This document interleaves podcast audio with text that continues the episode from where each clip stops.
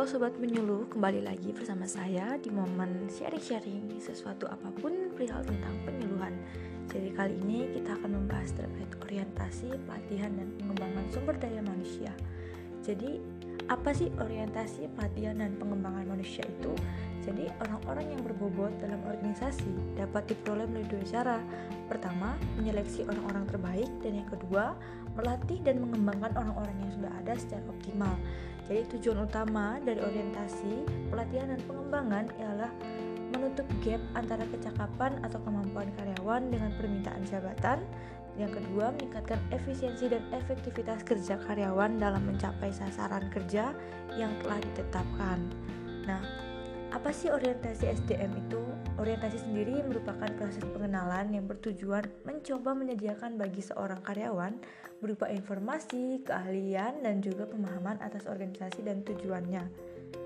Nah, sementara itu pengertian orientasi dari seorang penulis Hanif Nawawi tahun 2008 orientasi diusahakan membentuk para pekerja agar mengenali secara baik dan mampu beradaptasi dengan suatu situasi atau suatu lingkungan atau bahkan iklim bisnis suatu organisasi atau perusahaan.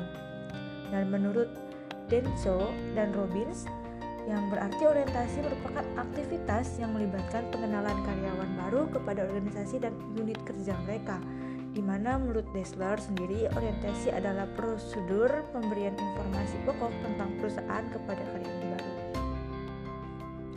Nah, tujuan orientasi itu apa sih? Tujuannya ialah proses di mana seorang untuk mengenalkan lingkungan kerja kepada seseorang tersebut.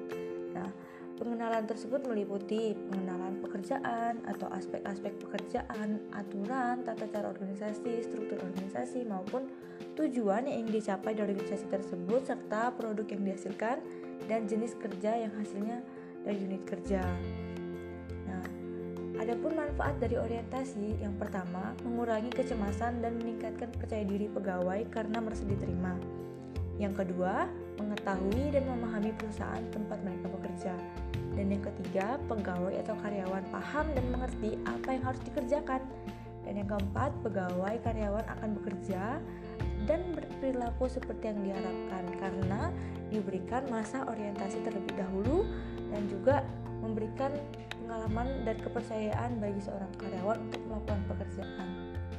Nah, selanjutnya topik-topik program orientasi itu yang pertama ada isu organisasi organisasional di mana di sana kita bisa memaparkan sejarah, terus organisasinya seperti apa, nama dan juga jabatan serta jabatan yang ada di sana, departemennya seperti apa, tata letak fasilitas fisik maupun e, lini produksi jasa yang ditawarkan atau tinjauan proses produksi serta kebijakan-kebijakan lainnya.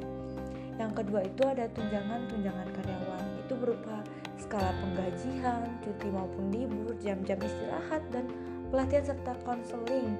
Nah, hal seperti itu tersebut itu perlu disosialisasikan atau diorientasikan kepada karyawan.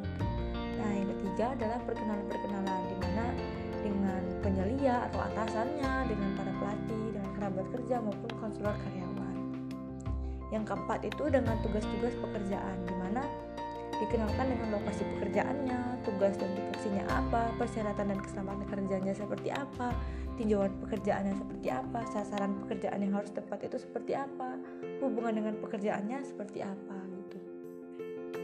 Nah, pengembangan sumber daya manusia itu artinya mempersiapkan pekerja untuk menduduki posisi demi pengembangan organisasi di masa yang akan datang. Nah, pengembangan itu diarahkan untuk menghadapi tantangan yang dihadapi organisasi di kemudian hari. Nah, dengan pengembangan SDM, nah, tantangan yang dimaksud itu seperti apa? Nah, ternyata yang pertama itu ada keusangan karyawan, di mana karyawan tidak lagi mempunyai pengetahuan dan kemampuan untuk melakukan pekerjaan secara efektif. Yang kedua, perubahan e, secara sosial dan teknologi. Nah, dalam merancang program pengembangan sesuai kemajuan teknologi itu udah kurang dari sisi karyawannya. Nah, dan yang selanjutnya itu ada perputaran karyawan turnover tidak dapat diper, diperkirakan gitu oleh perusahaan. Oleh karena itu, organisasi atau departemen sumber daya manusia harus siap tiap saat menyediakan tenaga kerja pengganti bila terjadi turnover. Sih definisi pengembangan itu? Pengembangan suatu usaha untuk meningkatkan kemampuan teknis, teoritis, dan moral seorang karyawan dengan kebutuhan pekerjaan atau jabatan melalui pendidikan dan latihan. Nah, pendidikan itu apa gitu? Nah, yang berhubungan dengan peningkatan pengetahuan umum maupun pemahaman atas lingkungan kita secara menyeluruh. Sementara latihan bertujuan untuk meningkatkan pengetahuan serta keahlian seorang karyawan untuk mengerjakan suatu pengertian secara khusus, jadi pendidikan dan latihan itu memiliki pengertian secara khusus yakni proses peningkatan keterampilan kerja baik teknis maupun manajerial.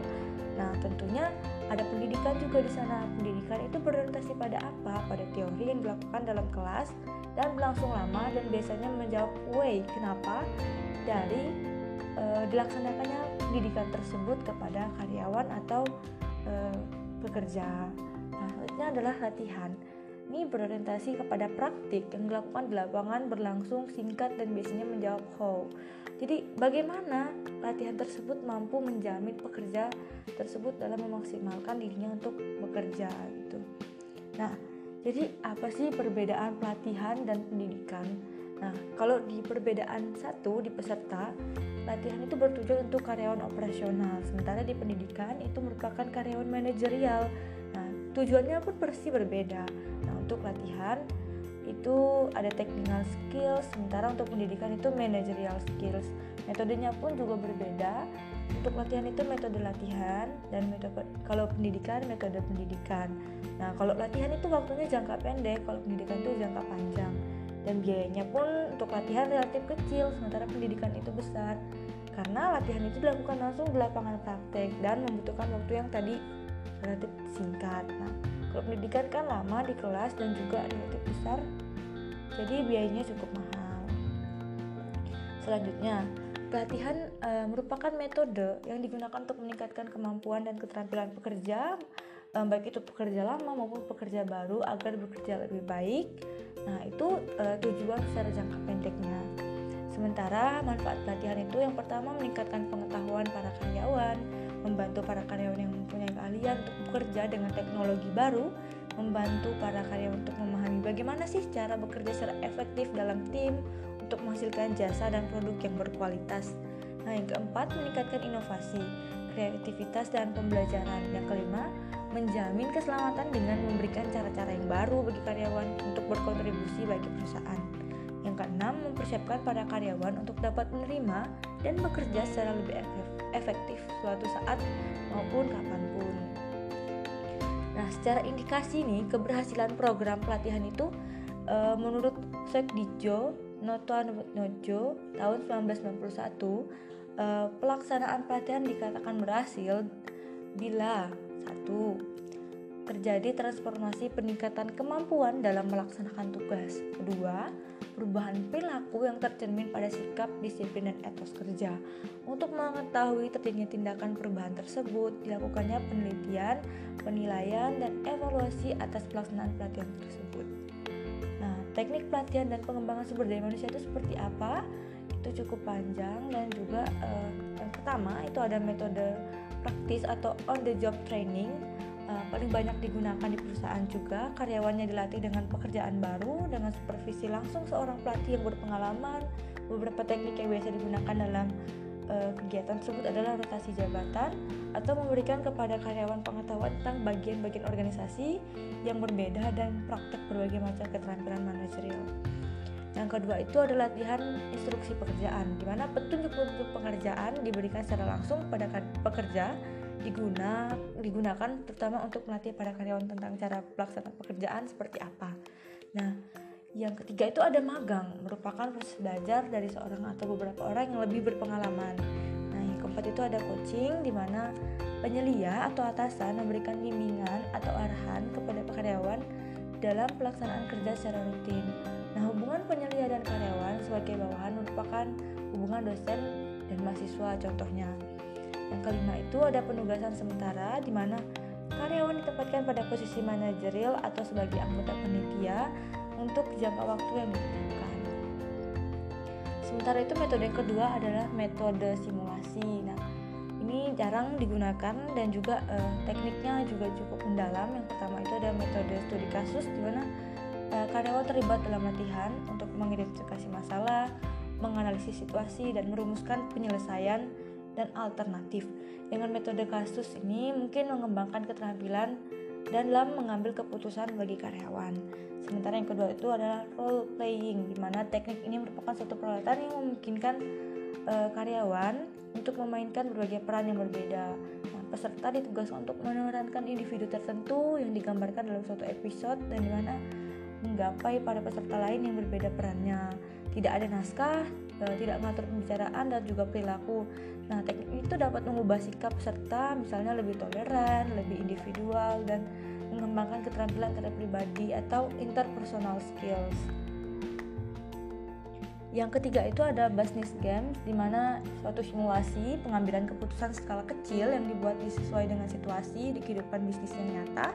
Nah, contohnya itu para peserta memainkan game dengan memutuskan harga produk yang akan dipasarkan. Namun, berapa besar anggaran periklanan dan lain-lain Tujuannya adalah untuk melatih para karyawan atau manajer untuk mengambil keputusan. Yang keempat itu ada festival training, di mana pelatihan ini diberikan secara khusus pada area-area terpisah yang dibangun dengan berbagai jenis peralatan sama seperti yang akan digunakan pada pekerjaan yang sebenarnya. Yang kelima itu adalah latihan laboratorium di mana lebih sensitivitas lebih tinggi di mana peserta akan menjadi uh, sensitif terhadap perasaan orang lain dan lingkungannya. Sementara itu yang keenam, program pengembangan eksekutif di mana program ini biasanya diselenggarakan di universitas atau lembaga pendidikan yang organisasinya bisa mengirimkan para karyawan untuk mengikuti paket-paket khusus nih yang ditawarkan atau e, dengan lembaga pendidikan terkait yang sudah terhubung atau mungkin itu ya teman-teman terkait penjelasan orientasi, pelatihan dan pengembangan sumber daya manusia. Semoga apa yang sudah kita pelajari hari ini bisa kita gunakan untuk bermanfaatan ke depannya. Sekian, terima kasih.